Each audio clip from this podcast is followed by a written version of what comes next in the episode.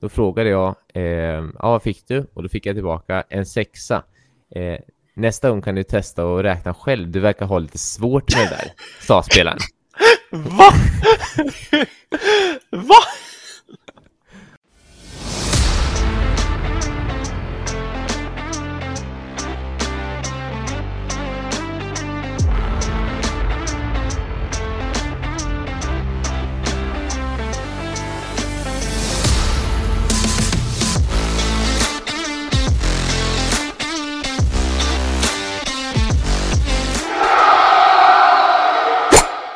Hej allesammans och varmt välkomna till Golfens enda podcast och avsnitt 32. Med mig som alltid har jag William Ner och Wesley Ner och den som pratar är Jonas Gullberg.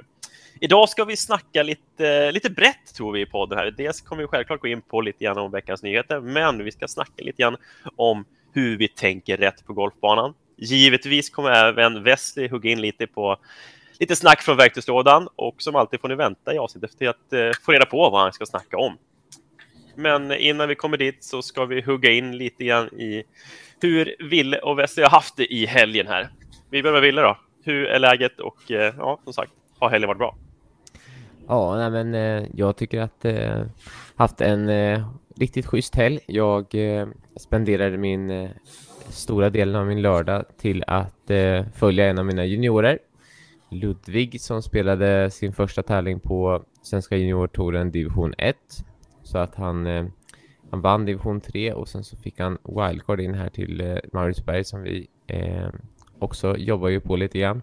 Eh, så att eh, han spelade jättebra första eh, 36 hålen, hade en tuff avslutningsrunda när det blåste upp lite så att eh, nu har vi massa erfarenheter att eh, ta med oss och kunna diskutera och skitkul att kunna se se ens elev eh, lira på banan. Det är någonting som är jäkligt nyttigt för många tränare om man ska hjälpa en spelare att eh, vara med dem ute i tävlingsarenan och se hur de beter sig och vad de, eh, hur de agerar på banan. Så att eh, eh, det var skitkul och sen på söndagen har vi haft eh, andra omgången helt enkelt på Ingelstad med aimpoint-kurser. Så jag körde både aimpoint speed och aimpoint express.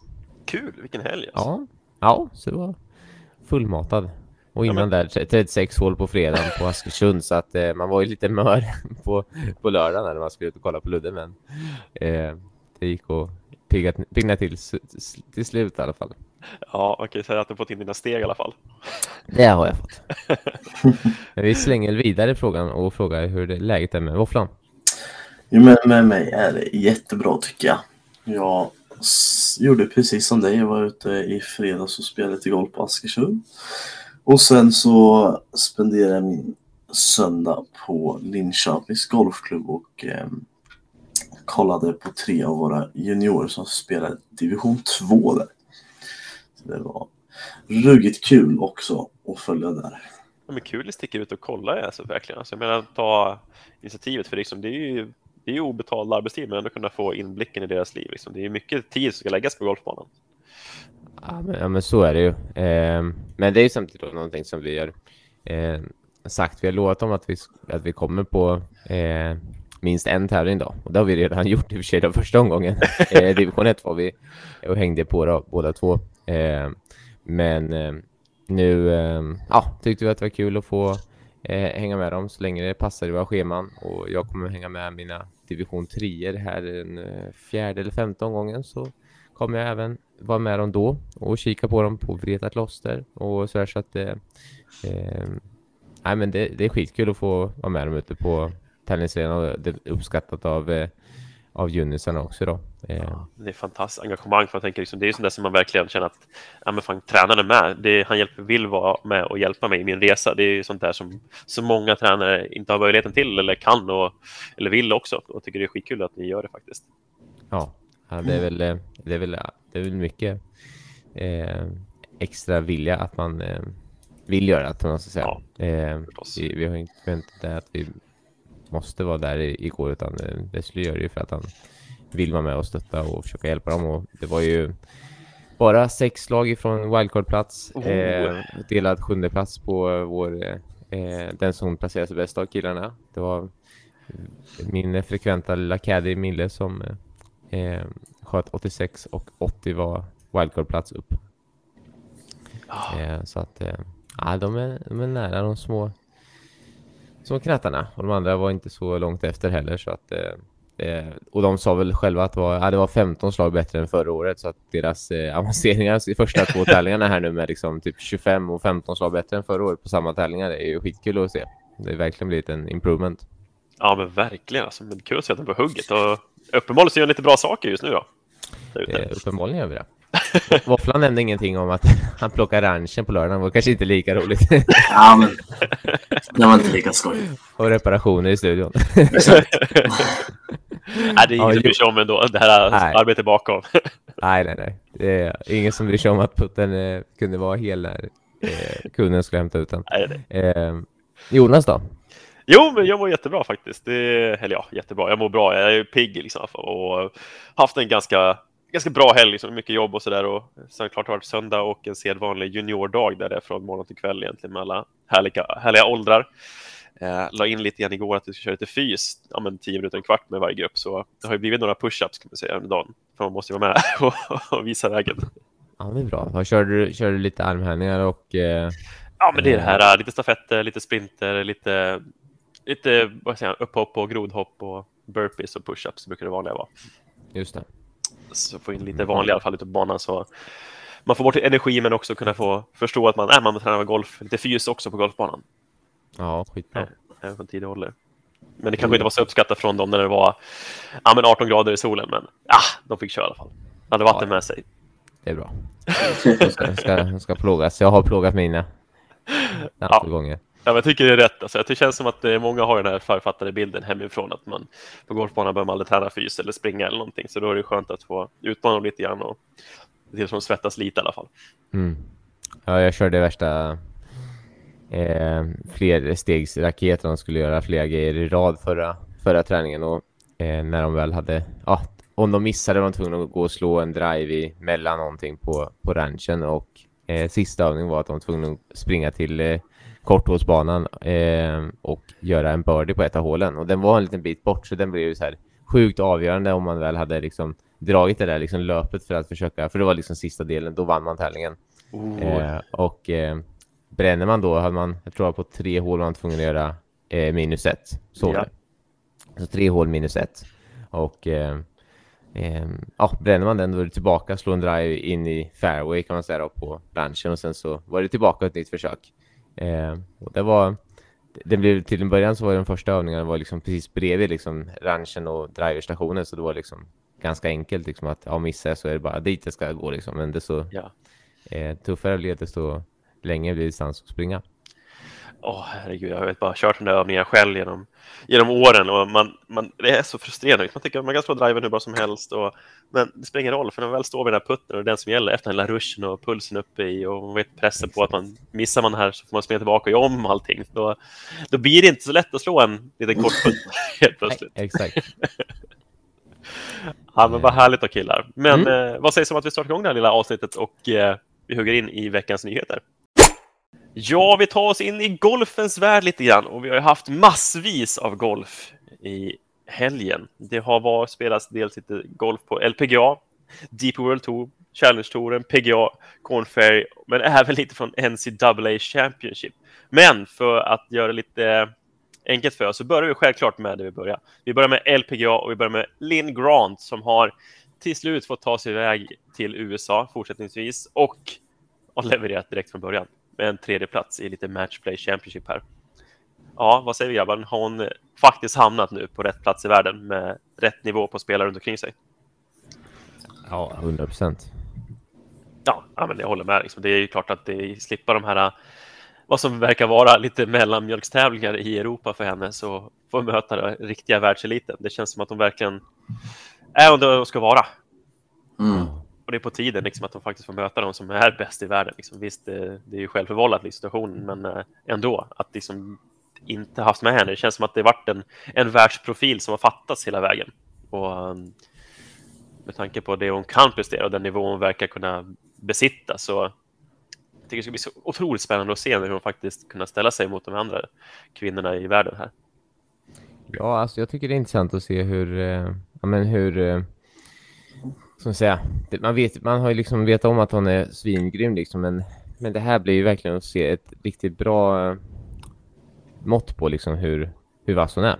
Eh, och eh, eh, jag menar, all ära till eh, Europatouren eller eh, ja, Europatouren för sig då, så är ju LPGA en annan grej och där är det ju spännande att se åt, åt de placerar sig så här bra redan från start då. Är ju, jag menar, det är skitgrymt. Hon torskar mot den som, som vinner också så att eh, det är ju Nej, det tycker jag det var skitprövat. Ja. Exakt. Men vi ska belysa också självklart eh, att Starken var stark även den här tävlingen. Hon har åkt tillbaka lite form och tillbaka till spel då hon eh, kickstartade den här tävlingen med att komma och ut bara i kvarten i alla fall. Så det var ju starkt faktiskt. Och eh, mm. det gjorde även vår härliga Anna Nordqvist. Så um, vi kan väl hålla tummarna på de här tjejerna den här sommaren att de fortsättningsvis presterar lika fint som tidigare. Med tanke på att de fortsätter leverera resultat. Det får vi hoppas. Ja, men vi hoppar över till, eh, ja, vi kör, vi är LPGA går till PGA-touren och där har vi, ja, det har blivit en poddfavorit, men Scottie Scheffler har väl, eh, han har inte vunnit, men han kom trea bakom eh, Emiliano Grillo och Adam Schenk som eh, delade första platsen efter lite särspel. PGA-touren eh, hade ju lite low-vecka som sagt med Charles Schwab, men eh, det är båda väl gott inför stundande US Open. Ja, alltså det här är ju... Det är imponerande att han bara liksom plockar upp en sån här tävling också ändå är blir topp tre eh, Scheffler och eh, kul för eh, eh även eh, Grillo att han eh, får vinna. Det var senaste han vann var 2015 så det var över 2700 dagar sedan han vann senast. Så att, ah, det var så länge sedan alltså. Ja, och den här tävlingen hade ju vunnits faktiskt av en, nu kommer jag inte ihåg namnet, men av en argentinare eh, way back då, så att han eh, ville liksom inte lägga av och spela förrän han hade vunnit den här tävlingen, hade han skrivit, sagt någonstans på PGA-touren. Nej, nej, nej, precis. Eh, så det betydde mycket för honom och eh, han verkade vara en eh, jäkla grym kille. Jag såg lite hur han hade tagit hand om lite junisar eh, under tiden när det var -hmm. eh, inför playoffen och sådär. De hade fått lite handskar och grejer när tävlingen var slut och sådär.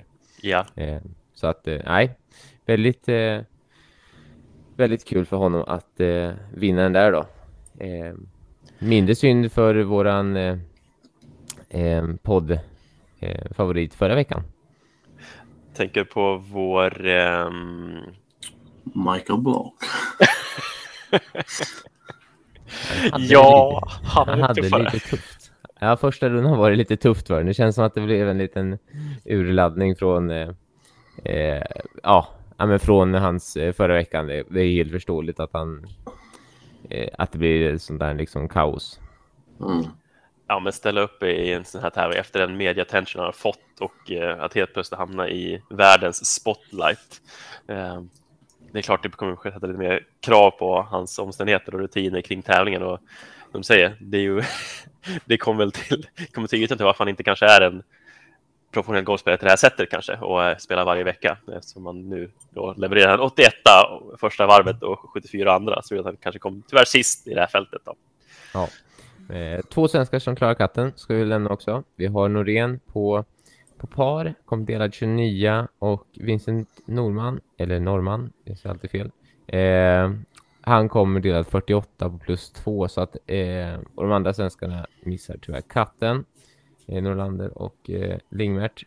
Men eh, kul att eh, Norman även eh, klarade till eh, katten då. Eh, Absolut. Han kryper sig uppåt sakta men säkert. Även fast det liksom är lite längre ner i listan så är det på rätt sida katten och det hjälper dem hela vägen. För han ligger på den här med berömda topp 100-gränsen någonstans för att kunna få det här gjutna kortet och kunna få spela lite designated events nästa år också med all förhoppning. Så gör han någon liten, eh, kanske en topp 15, topp 10-placering här under de sista tävlingarna som är under major-perioden så uh, kommer det båda gott tror jag. Det kommer nog finnas stor sannolikhet för att få se honom kanske få spela de här största tävlingarna nästa år. Mm. Jag måste ändå säga att Scheffler gjorde ju faktiskt Hio också. Ja, just det. Han gjorde lite, han gjorde lite Hio, det är sant. vilken legend alltså. Ja, ja det är... Ska vi, ska vi nämna Scottie Schefflers OVG, alltså hur, vilka hans senaste tävlingar, vilka resultat han har haft egentligen? Nej, jag tror ingen bryr sig. Nej, jag tror inte de bryr sig egentligen. Va? Nej, men det, jag, tycker, alltså jag kollade lite snabbt här i morse Ja. det är, det är ganska fascinerande egentligen. Men sen då 2022 innan, eh, efter CJ Cup så har han inte en enda placering utanför topp 15. Utan han har en, eh, jag kan rada upp de här statsen. Han har kommit 3, 9, 2, 7, 11, 1, 12, 4, 1, 4, 10, 11, 5, 2, 3. Så liksom han, han, han levererar oerhört bra golf och även fast John Rahm är en ganska vettig golfspelare så känns det som att Scottie Scheffler är, eh, han är jämn men på en helt annan nivå just nu. Ja. Mm. Det, är, ja, det här är ju verkligen en... Det här är någonting som eh, fortsätter han liksom på det här eh, spåret nu. Det, det innebär inte att han vinner, men att han är hela tiden där uppe. Det, det kommer ju skapa ganska mycket försprång för honom på en eh, världsranking till slut. Förr eller senare menar jag. Ja, Ehm, absolut. Eh, att det här blir ett, eh, ett, liksom ett försprång som blir tufft för de andra spelarna att hämta hem. Liksom. Eh, Ja. Där han säkerställer sig att vara en bit före de andra på eh, världsrankingen. Ja, ja, men jag håller helt med. Och det är, hans världsrank kommer ju bara stiga, för just nu så har han liksom så några, man har ju på OVG-ranking att man har ju ungefär 40 tävlingar som man delar med hela tiden med totalpoängen och för att kunna få liksom en liten en snittpoängsats som tar dig upp och ner på ranken. Men eh, nu kommande tävlingar så har han lite MCs och lite låga 40-50 placeringar som gör att oavsett nästan hur han spelar, alltså de Ja, kommande jag fattar. tävlingar, så kommer han att stiga. Och eh, Mm. vem vet, det kanske är lite dags för lite Tiger-era på den här mannen. Ja, men han är ju han är ju snart dubbelt så mycket poäng i alla fall då som, eh, alltså total points är ju dubbelt så mycket som eh, Rory har snart. Han är ju liksom, han har, han, han ju 567 000 och Rory har 368 000. Eller 567 poäng eh, och 368 poäng, det beror på man, det är kanske ett komma där inte. Åh, Eh, herregud alltså. Så att eh, ja, det ser ut som att eh, Ram är inte långt efter just nu, men eh, sagt som du säger, han kan ju snart rycka lite med fortsatt spel. Ja, vi får helt enkelt eh, bara hålla tummarna och för, för de som tycker om Scheffler, men för oss andra får vi väl bara hålla tummarna för att Ram spelar bättre kanske, så vi får se en liten europé på toppen. Så det är väl han som är närmast i alla fall. Men eh, vi skyndar vidare lite grann. Vi hoppar över till, eh, ja, det ska jag säga, på Deep World Tour och det är en viss eh, Pablo Larrazabal som är tillbaka i eh, vinnarspotten igen. Och eh, Spanien till all ära. Det kommer även en spansk andra plats i, fram, i form av Adrian Otegu på ja, minus 11 där helt enkelt. Bästa svensk, Micke Lindberg. En liten gammal eh, DP-räv kan man säga. Ja, absolut. Det var ett tag sedan jag såg honom uppe i toppen av listorna, men det är kul att han får med och lira i alla fall. Och det här garanterar väl ganska, ganska många starter fler än han kanske haft annars. Ja, det får vi hoppas. Björ, Björken och Kinhult eh, 29, Söderberg 48.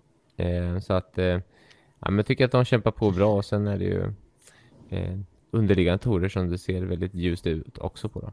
Ja, det är väl det vi kanske ska diskutera mest idag. Det är ju egentligen vår härliga Challenge Tour där vi har haft lite, lite profiler som har spelat bra. Vi har en härlig man vid namn... Ja, 14 plats.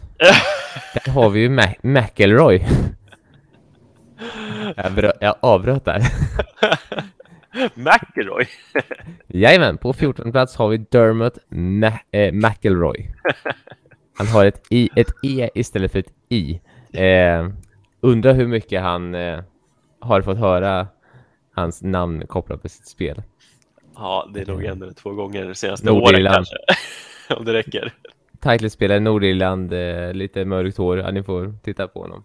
Eh, det, det rekommenderar alla poddlyssnare. McElroy 14 plats på Kännerstoren. Nu får du ta över vår svenska dominans här, Jonas.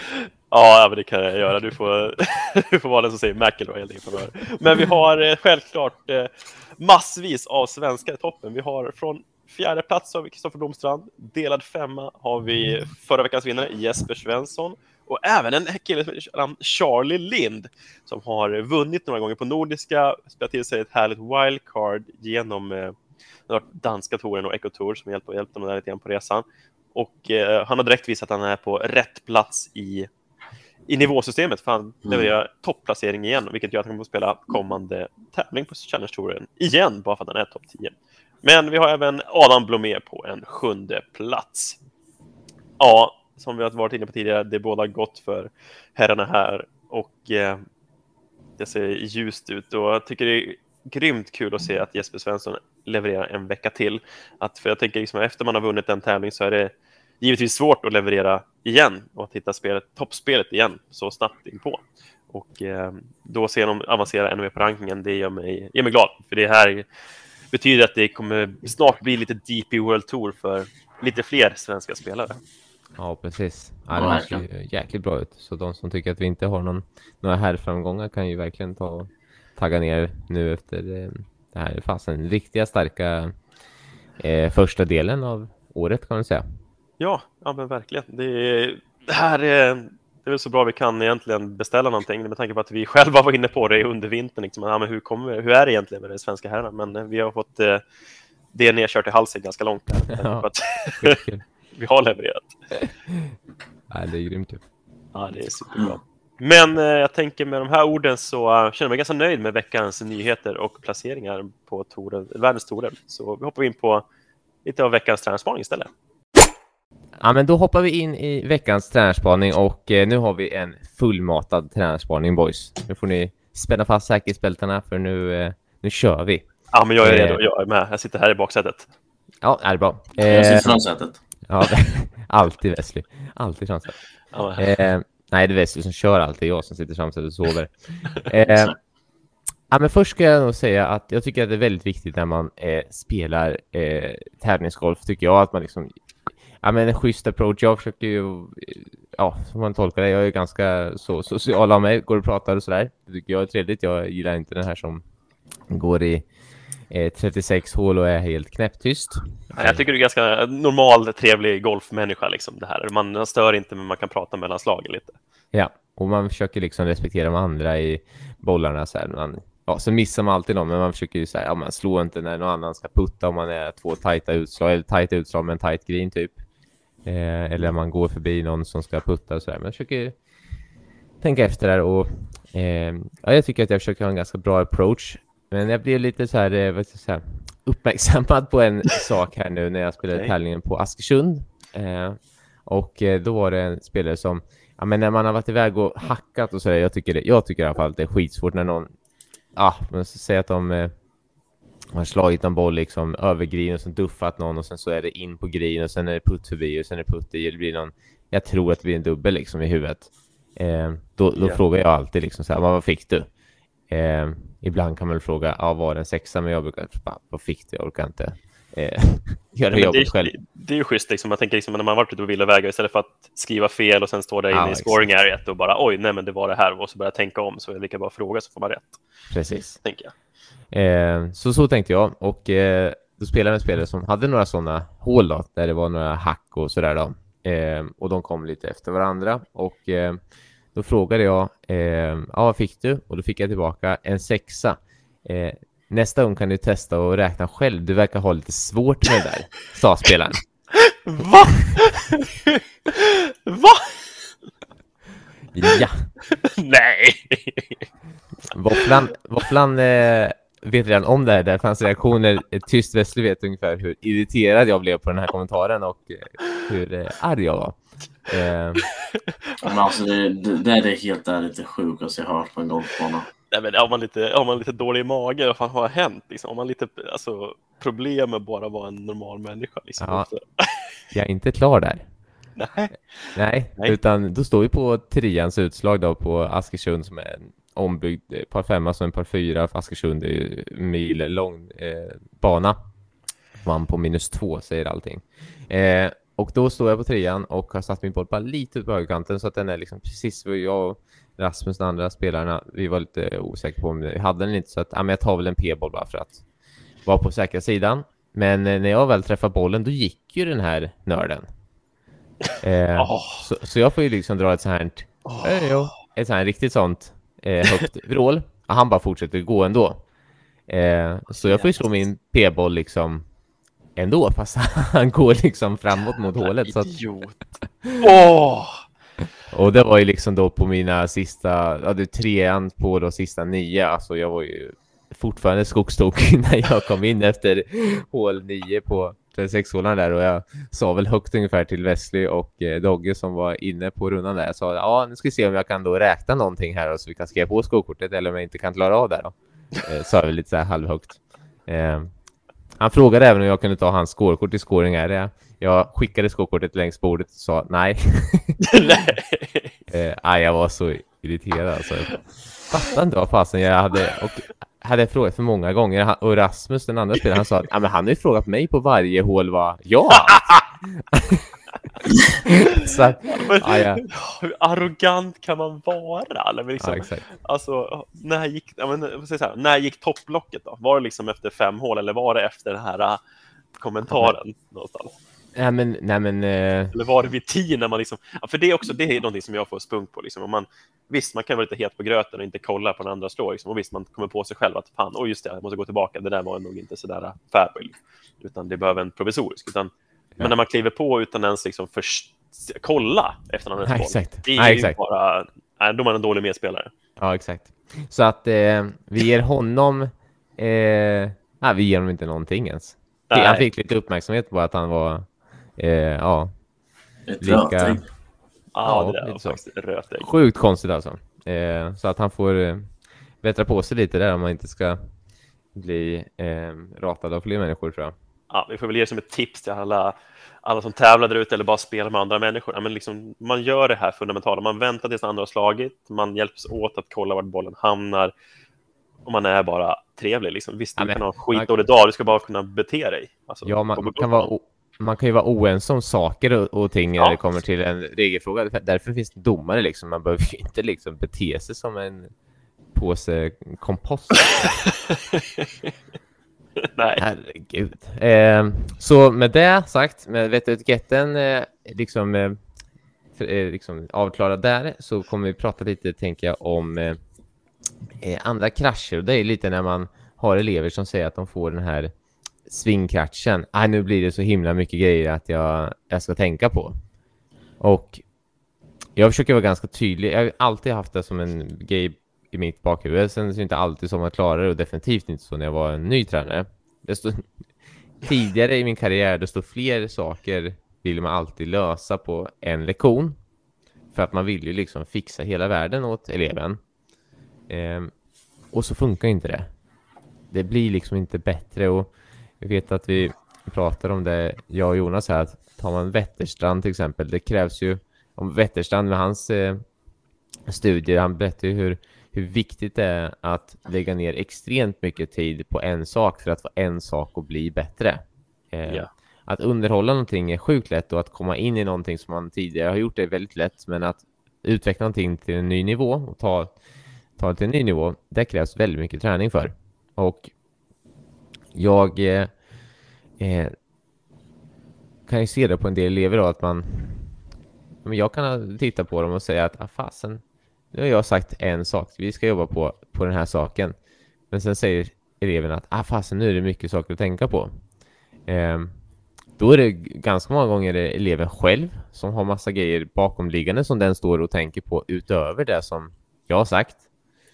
Eh, och det här blir ju liksom en eh, en intressant diskussion. För jag vet inte vad, vad ni tycker, men jag tycker att tänka för mycket är inte alltid så jäkla dåligt för en eh, golfare, speciellt på en golfare med lite högre handikapp. Att, att tänka på grejer och faktiskt tänka på kroppens rörelse kan faktiskt vara klart bättre än att inte göra det för att spelaren har så tufft ändå att träffa bollen.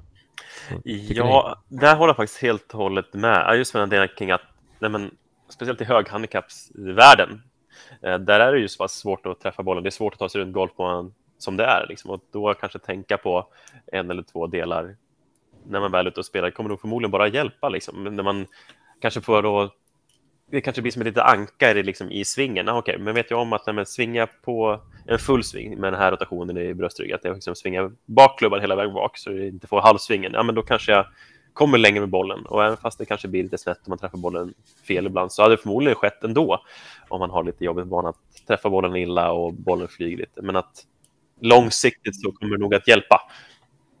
Det är ja, det som jag tror. Jag tänker våfflan då, alltså du har ju ganska mycket gruppträningar med juniorer när föräldrarna står oftast mm. ganska nära, nära dig när du eh, har passen. Mina juniorers föräldrar, de, de är redan bortskickade innan de säger hej. Eh, men du har ju lite yngre junior och det är lite mer vanligt att eh, föräldrarna kommer in nära där. Eh, ja. Det är inte lätt att du säger någonting och att föräldrarna säger någonting annat eller? Jo då. för det är en tuff puck om vi pratar om att inte få för mycket saker att tänka på.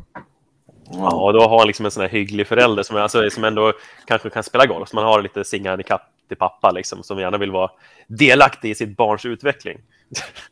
Japp. Den tänker jag, vad säger du Wesley? Ja, men lite så är det. Och sen kan det ju vara den farsan som har 40 handikapp också som kommer in och säger grejer. eh, som jag kanske har sagt till den farsan för jag har tränat den farsan. Men eh, det kan ju vara en, till exempel en pappa eller mamma som har 40 handikapp också som är exakt samma sak som kommer in och grejer, säger grejer som jag kanske har tränat dem och de säger grejerna jag har sagt till dem till, till sina juniorer. Och det, då blir det ännu tuffare för juniorerna att fatta vad ska jag göra när de egentligen bara behöver ställa sig, göra grunderna och göra det många gånger. Eh, det är det som blir den tuffa pucken för dem då. Ja, men det känner jag också. Liksom. Det, det sträcker sig kanske förbi juniorer, men just juniorer, tar det som exempel nu ändå är inne på det, att i grund och botten så handlar det om att du ska utsätta dig för mycket golf. Och du spelar egentligen inget, du har så länge du får bra grunder med grepp och lite bra uppställning och bollen hamnar någorlunda nära perfekt bollplacering så, så räcker det med att du kommer, du kommer få spela mycket golf, du kommer få leka mycket golf, du kommer få ut över banan, testa olika lägen, men bara gör repetitioner. För det kommer mm. få dig att bli en bättre golfare. Liksom. Att då ha en förälder som står bakom och tänker men raka arm Sture, eller Lisa, tänk på det här, håll huvudet still. Ja. eller andra golfklichéer som finns där ute. Mm. Så, så kommer det bara få den att bli helt eh, snurrig i koppen. Liksom. Vadå eh, hålla still huvudet? Då kommer du kolla på bollen och så försvann den där eh, svingen. ja, det, det är intressant, för jag hade till exempel en gruppträning med tre vuxna och en som inte var, slog, eh, som har spelat golf väldigt mycket.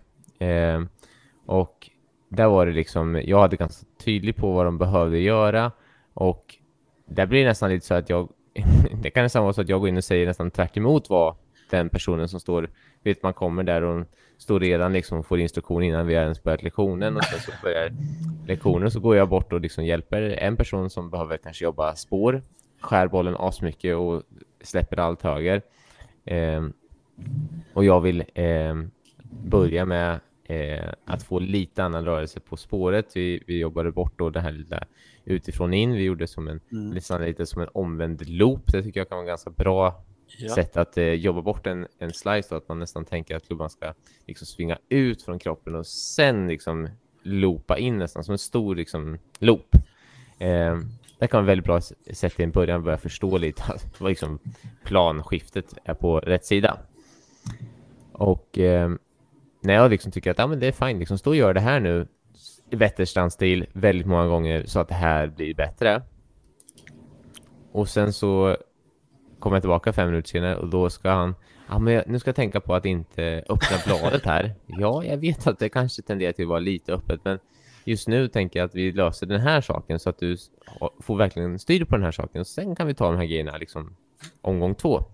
Eh, och sen så lite senare, ja ah, men nu ska vi med, med kroppen mer och, och då är det den ja. personen som står och tittar på då, som eh, kommer här. Det är inte liksom fel saker personen säger och personen säger det i all välmening. Men jag tror inte att personen som har spelat golf då på typ 25 år reder, eller nästan 30 år eh, reder ut alla de här sakerna på en gång. Nej, jag, jag, tror inte det. Jag tror det. Jag tror det bara handlar om att spendera tid på golfbanan. Att bara göra en rörelse. Hitta, oh, okej, okay, vi får in en bollträff. Ja, men bra. Oj, vi får in en grundrörelse. Du kanske, du säger, du slutar slå bollen 40 meter höger. Liksom. Det är kanske är det som är bra. Och då kanske, kanske det är det som är nyckeln, att du får träna på den omvända ja, men säger, bågen eller hur mm. planet förändras lite grann. Snarare än att gå in på steg 5, 6, 7 i processen där det är egentligen ett år längre fram i processen. Ja, men jag hörde någon gång eh, eh, min eh, kära tränarkollega Daniel Bäck säga, jag tycker det är ett ganska bra sätt om man ser på en sving en sving som inte blir på rätt sätt, att det blir som dominobrickor. Ja. Eh, när det väl liksom har liksom börjat ramla dominobrickor så ramlar de. Eh, det gäller ju för oss tränare att hitta dominobricka 1. eh, tränaren, eh, elevens kom, bästa kompis när de står på ranchen kanske går in och tittar på att ah, det där ser lite udda ut. Men, men det egentligen är bricka 47. Ja. Eh, och sen så försöker man rätta till bricka 47, men det har redan ramlat 46 brickor innan. Så 47 kommer fortfarande ramla oavsett hur mycket du försöker fixa 47. Ja. Och det tror jag är, det är det som är, det liksom, det är det som är vår grej som tränare, att hitta liksom den liksom, eh, master key för, för en sving. Eh, och eh, och jag, jag tror, både jag och Wester när vi har våra lektioner, det är att man försöker väl då göra någon form av, skriva ner liksom att jobba på eller säga liksom vad det är för punkt, antingen anteckning eller så gör man en video med eleven eh, där man liksom strukturerat det är liksom den här drillen, liksom, det är de här en eller två, max tre delarna som man ja. kan jobba på. Och liksom tre delar kan absolut en elev sortera. Det kanske inte blir bästa tävlingsprestationen kopplat med det, men det är liksom vägen för framgång. Ja, jag tycker, det tycker det är spännande. Liksom, att just att det här, man, vår roll blir som du säger, vi ska hitta det, det som kan göra störst skillnad för den här individen. Och det är det som kanske är bakomliggande, eller det som är bakomliggande och inte snarare en konsekvens av eh, mm. massa olika delar i en rörelse. Men därför är inte alltid, vad ska jag säga, Youtube-lektionen alltid blir bra. Nej. För, det, för det kanske är en, eh, att man hittar då en film som handlar om, återigen, dominobricka 17 kanske. Eh, som är väldigt vanligt, som väldigt många har, men det kanske är för just den spelaren som tittar inte lösningen på problemet. Nej, det är väldigt lätt att vara YouTube-coach då, liksom. då kan man applicera det till alla som slicear och så kan ju någon ändå känna sig träffad och känna att ah, men det här hjälpte mig. Ja, men det är så, så det funkar. Ja. Eh, det är så, så det funkar om jag också lägger ut ett tips. Det är inte alla som har det problemet som tittar Nej. på det. Eh, och jag menar, som vi har pratat om tidigare, en slice kan vara på jäkligt många olika sätt också då. Det kan vara spelare som klackar allting. Ställer den sig och börjar jobba med svingspår så kanske svingen blir sämre. Ja, eh, exakt. Så att, eh, där tycker jag var eh, lite intressanta. Eh, hoppas eh, Känner ni er nöjda med diskussionen med övertänkandet eh, när man får för mycket saker i skallen? Utan det, vi, kan väl vi kan väl konkludera ner det eller sammanfatta det i att det är inte fel att få grejer att tänka på. Eh, det kan nog förmodligen bli bättre om man faktiskt tänker på någonting, jobbar på det banan. Skit i att säga att äh, nu hade jag så många grejer att tänka på. Eh, det är ingen kommentar jag eh, liksom favoriserar för jag tycker att eh, det inte är det som är problemet när att folk en person tänkte på mycket grejer utan ser en person som bottnar klubban 30 cm innan bollen i marken och råtoppar bollen så är det inte att personen tänkte utan det är att personen gjorde fel rörelse. Eh, och förmodligen inte liksom gjorde, tänkte på rätt sätt kanske eller liksom verkligen fick effekt av det de skulle träna på. Nej, mm. men precis. Ja, men jag håller helt med. Liksom. Du kan inte börja kolla på andra saker utan man kanske ska kolla på det som är viktigast. Men då är bollträffen, få igång den, så kan vi hitta mm. en tendens som vi kan jobba med sen. Mm. Ja, men jag känner mig jättenöjd. Bra, bra summerat. Vi kan ju gå vidare på det i framtiden tycker jag och kanske snacka om hur vi får ut mest av träningen generellt genom vilka, hur vi tränar utöver kanske tekniskt och på med svingen. Ja, absolut. För framtiden. Men eh, vi går vidare till eh, lilla specialen här som vi brukar få in i podden. Vi kan gå in på i verktygslådan med Wesley.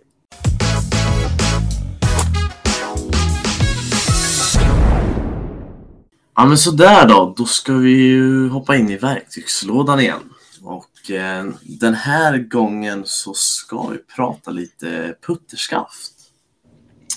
Hur känner ni för putterskaft? Vad, vad tycker ni om det? Jag har eh, absolut noll kunskap, eh, noll kunskap om putterskaft just. Det är tyvärr eh, det område som är längst ifrån mig just nu. Så jag, jag kör det som finns i från början och sen så försöker jag putta bra. Okej. Okay. Ett vanligt skitskaft alltså. Ja, ett vanligt skaft kan man säga med andra Ja, men jag får säga att jag har koll på det i den utsträckningen att dels är det ju väldigt, väldigt hett med den diskussionen kring putterskaft och eh, jag själv som har eh, lite längre putter, 36,5, eh, upplever definitivt att det här är någonting som hjälper mig själv eh, att inte ha det skaft som sitter standard i den, speciellt när min putter blir alltså, över standardlängd 34-35 då. Jupp. Ja men så är det absolut. Eh, och jag tänker vi, vi ska prata lite stability skaft eller golfskaft Um, som mer eller mindre är ett grafitskaft i putten. Eh, och varför ska man ha ett grafitskaft i en putte då? Jo, men... Det tror jag många undrar. Ja, det är faktiskt, det känns som du eh, har lite banbrytande om man har grafitskaft i putten.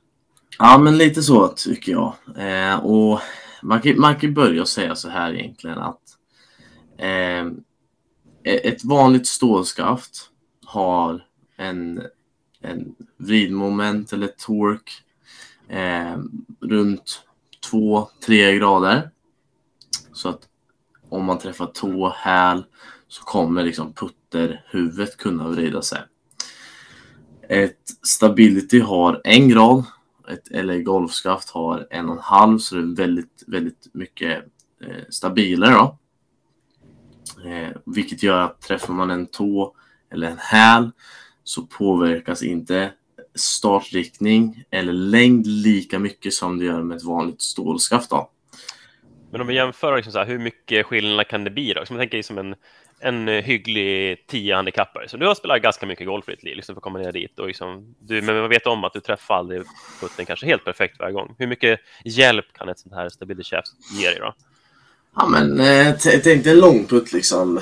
10, 12, 13 meter. En normal lägputt egentligen som du ska ja. få puttat, Ja, men lite så. Ja, men säg att eh, tåträff, hälträff. Kanske du tappar mm, två meter på. Ja, ja men exakt. Det blir ju ganska mycket och stabilitetskäften kan ändå rädda upp det menar du? Räddar upp det mer och inte tappa lika mycket längd. Då. Så egentligen det absolut bästa är ju att komma till ett ställe som har stabilitetskraft som man får testa och just se skillnaden. Vad händer? Ja. När jag slår, ja men, säg tre puttar med min vanliga putter. En tå, en häl, en mitten. Slå en med stabilskaft, tå, häl, mitten.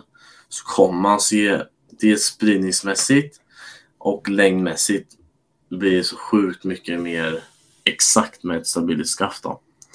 Och det är egentligen samma sätt som eller golfskaften bygger på. Eh, att det är mer stabilitet. Tappar inte lika mycket i, i riktning och längd. Då. De känns ju inte konstiga heller liksom om man ser till... Liksom, Absolut inte.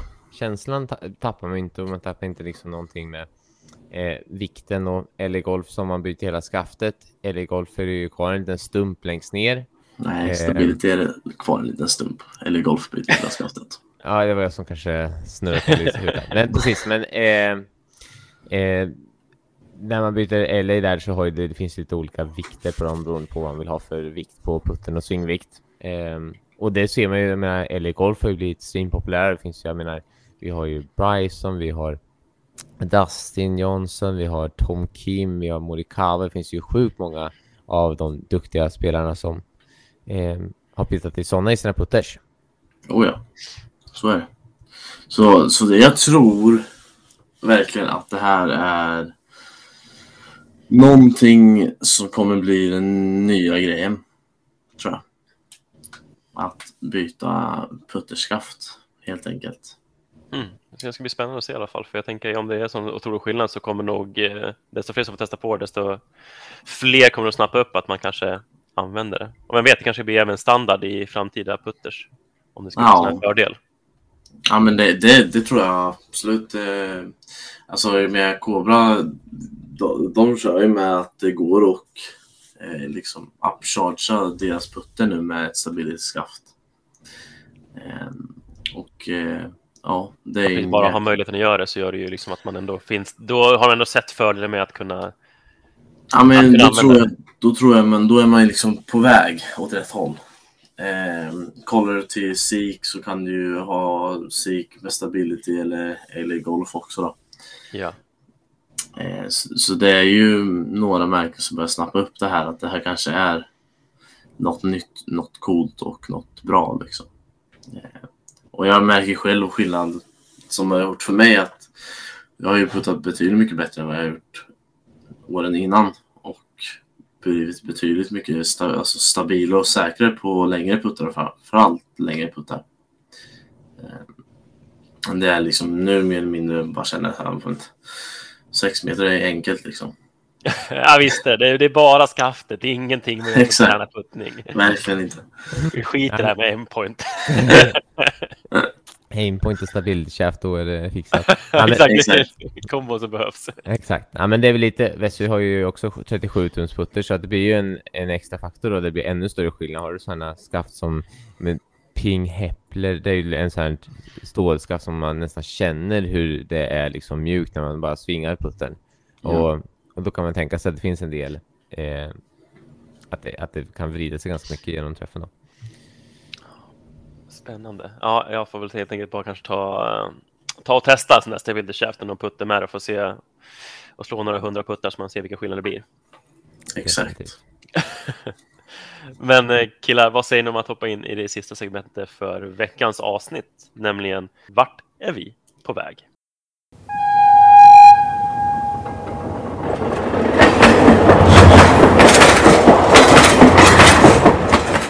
Ja, vi har ju lite quizdags och vi har lite tävlingsdags här för våra panelmedlemmar Ville och Wesley. Eh, Ställningen är 48 mot 42 om jag minns rätt. Och eh, 50-46 efter 50 förra- 46, just ja, exakt, helt rätt. Det är bara, det är bara fyra poäng. Ja, det är viktigt här nu, hallå. 50-46 nu mellan, mellan grabbarna. Och eh, ja, men det verkar som att Wille har hittat lite längs vägen nu. 50-46 är fyra poäng, Wesley. Jag kan faktiskt räkna, även om inte min medspelare i Askersund trodde att jag kunde räkna, så kan jag faktiskt räkna. Jaha, jag tyckte du sa 50-56. Ja, okej. Nej, men eh, grabbar, det här... Eh, nu vart är vi på väg tillbaka och det verkar som ändå så det är Wesleys grej. Sista avsnitten i alla fall. Nå, men det var inte vart vi är på väg. Det var Nej. ju, Vad söker vi kanske? det var ju vad söker vi Vem liksom. sänker vi? Söker vi? Ah, skitsamma på namnet. Men vi hoppar in i veckans Vart är vi på väg? För 10 poäng. När vi närmaste flygplats och beger oss till eh, Åkerlandets område.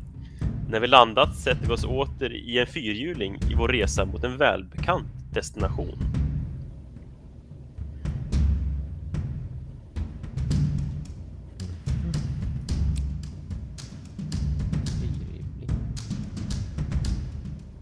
Flygplats. För att betona, vi är fortfarande i, alltid i Sverige, men att eh, inrikesflyg tycker jag var okej. ja, just det, tar ett inrikesflyg, då vet jag vart han är på väg.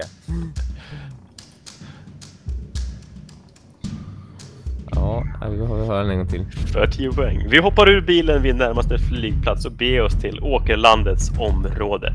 När vi landat sätter vi oss åter i en fyrhjuling i vår resa mot en välbekant destination.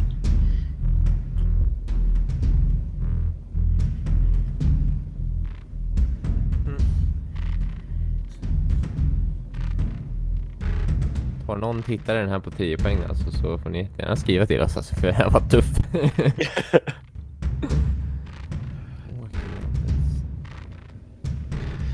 Vi går vidare till 8 poäng.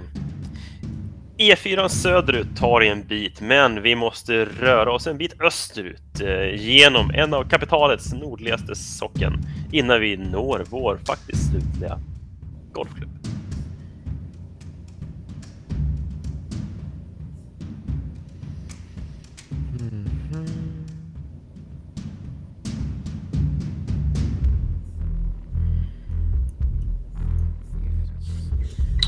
Så. för 8 poäng. E4 söderut tar i en bit, men vi måste röra oss en bit österut genom en av kapitalets nordligaste socken innan vi når vår slutliga golfklubb. En av kapitalets, vad sa du? Mest nordligaste socken.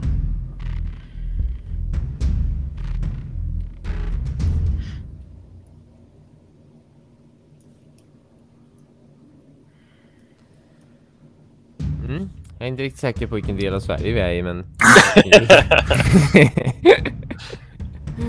Let's go. För 6 poäng. Vi åker längs vägen med siffror som påminner om pensionsåldern för de som är födda innan 57. Givetvis ligger banan vid en av Sveriges mest vackra sjöar.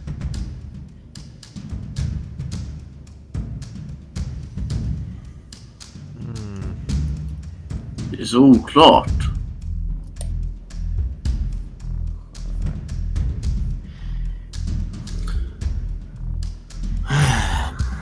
Det känns som vi åker runt lite överallt i det här landet.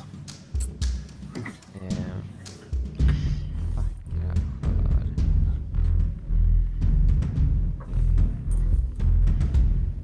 ja, en gång till. För 6 poäng. Vi åker längs vägen med siffror som påminner om pensionsåldern för de som är födda innan 57. Givetvis ligger banan vid en av Sveriges vackraste sjöar.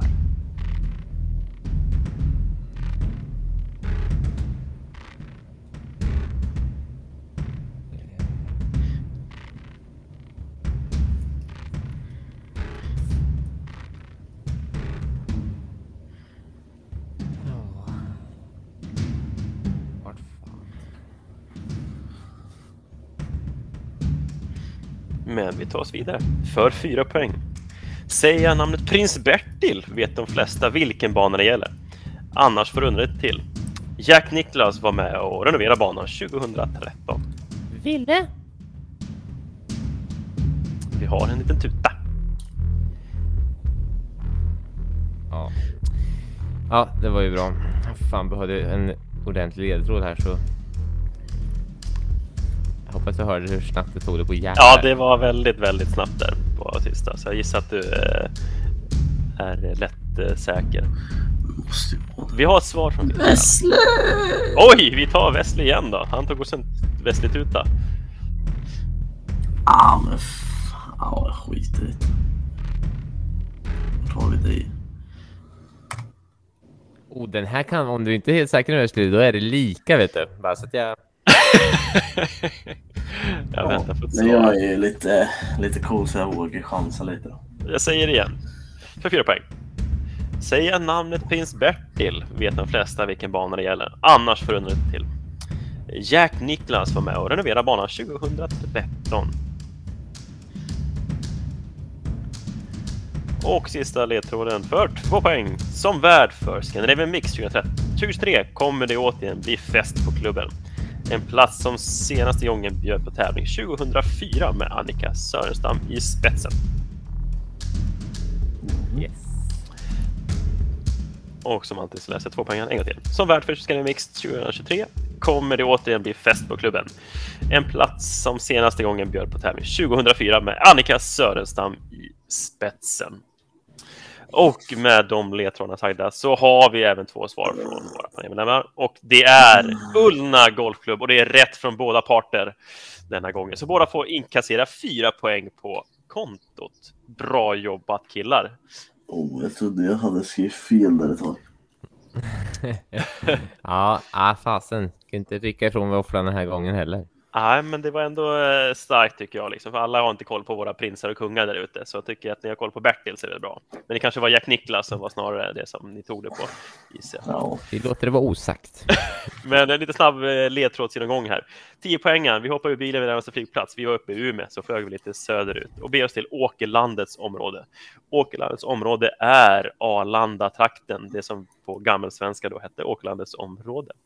Eh, när vi landat sätter vi oss åter i en fyrhjuling, alltså en bil, i vår resa mot en välbekant destination. Och då tänker jag, ja, det finns inte så många i norrort som är så välbekanta kanske med annat än Ullna eller Brohof gissar jag.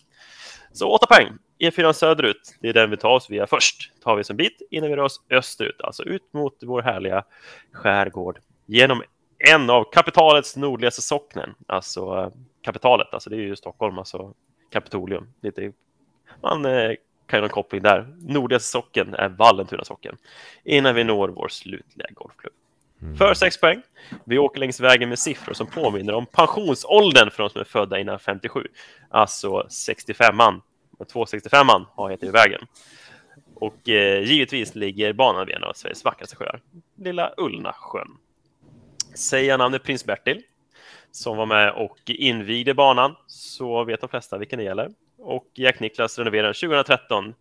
Och eh, på återbesöket enbart några dagar efter herr Tumba hade passerat till andra sidan. Och för tvåpoängsfrågan så var det självklart att det är Scandinavian Mixed som, som kommer hållas 2023 här om några veckor. Och eh, det kan vi ju inte mena att se fram emot. Nej, precis. Men eh, bra jobbat grabbar. Tack för dagens avsnitt och eh, som alltid in och följ oss på Spotify, in och följ oss på din poddutgivare och självklart även Instagram så får ni följa oss eh, lite mer i vår resa mot dels på golfklubbar i Sverige men också självklart få nyttiga tips och kunskaper av Ville och Wesley och Jonas. Tack så jättemycket för idag. Tack så mycket. Tack själv. Ha det bra. Ha det Hej! bra. Hej. Hej.